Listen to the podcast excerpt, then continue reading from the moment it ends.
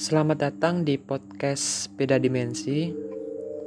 Kali ini aku ingin menceritakan kepada kalian tentang pengalaman mistis yang kualami di tahun 2010. Saat itu aku masih kelas 7 SMP. SMP ku merupakan SMP yang paling tua di kabupaten karena merupakan sekolah peninggalan masa penjajahan Belanda. Saat itu hari Minggu, aku mengikuti kegiatan pelantikan teater. Kami diwajibkan kumpul di sekolah jam 6 pagi. Namun aku berinisiatif untuk datang di sekolah jam 5 pagi.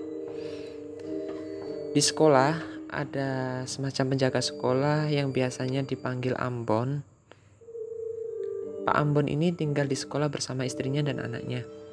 Namun saat itu hari Minggu, gerbang depan sekolah ditutup Akhirnya aku terpaksa masuk melalui gerbang belakang. Dan saat itu jam 5 pagi, aku berpapasan dengan Pak Ambon sekeluarga yang keluar sekolah. Aku hanya sekedar menyapa Pak Ambon. Mungkin Pak Ambon mau keluar, Mungkin juga Pak Ambon mau belanja ataupun menghabiskan liburan di hari Minggu, aku nggak tahu.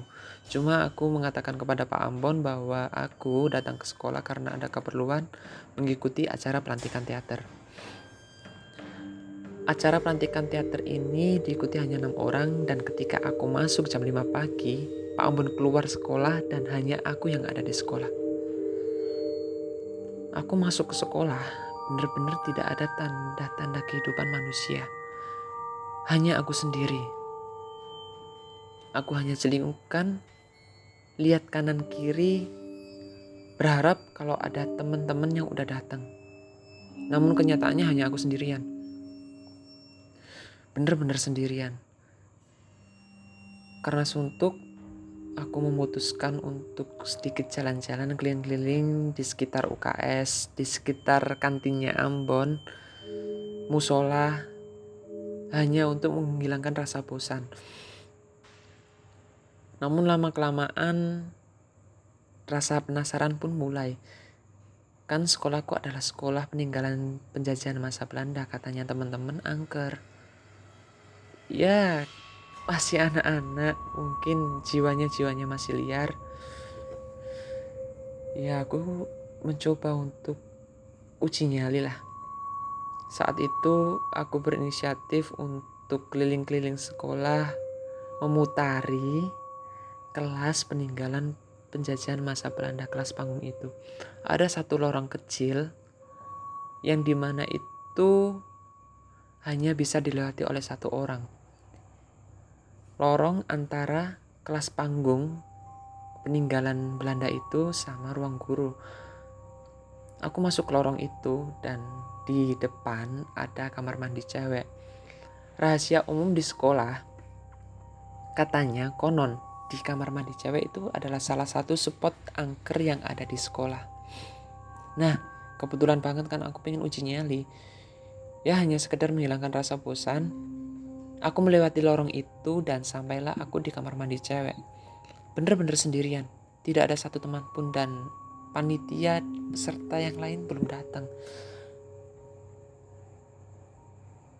Sedikit menghilangkan rasa sepi, aku iseng-iseng nyanyi di depan kamar mandi cewek yang dekat lorong kelas panggung peninggalan masa penjajahan Belanda itu. Tiba-tiba ada wangi semerbak wangi-wangi kayak wangi kalian tahu bunga bunga-bunga yang ada di pemakaman? Kurang lebih seperti itu. Wangi banget. Bener-bener mengganggu hidungku. Sehingga aku penasaran di mana sih sumber wangi itu? Aku coba cari. Aku keliling-keliling di kamar mandi cewek. Keliling-keliling kamar mandi cewek berharap ada bunga itu atau ada orang iseng yang menaruh atau gimana. Nggak ada. Di kamar mandi cewek pun nggak ada dalam kamar mandi cewek nggak ada. Di bawah kelas panggung pun juga nggak ada. Aku mencoba mencari ke mana-mana. Sumber wangi itu tidak ada. Aku merasa ada yang ada yang ada yang apa ya ada yang janggal gitu.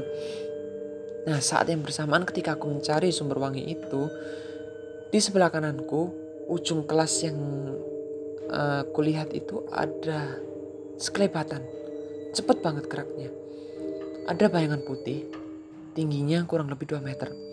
Jalannya cepat banget. Set. Mataku mengikuti kalau ada sesuatu yang bergerak.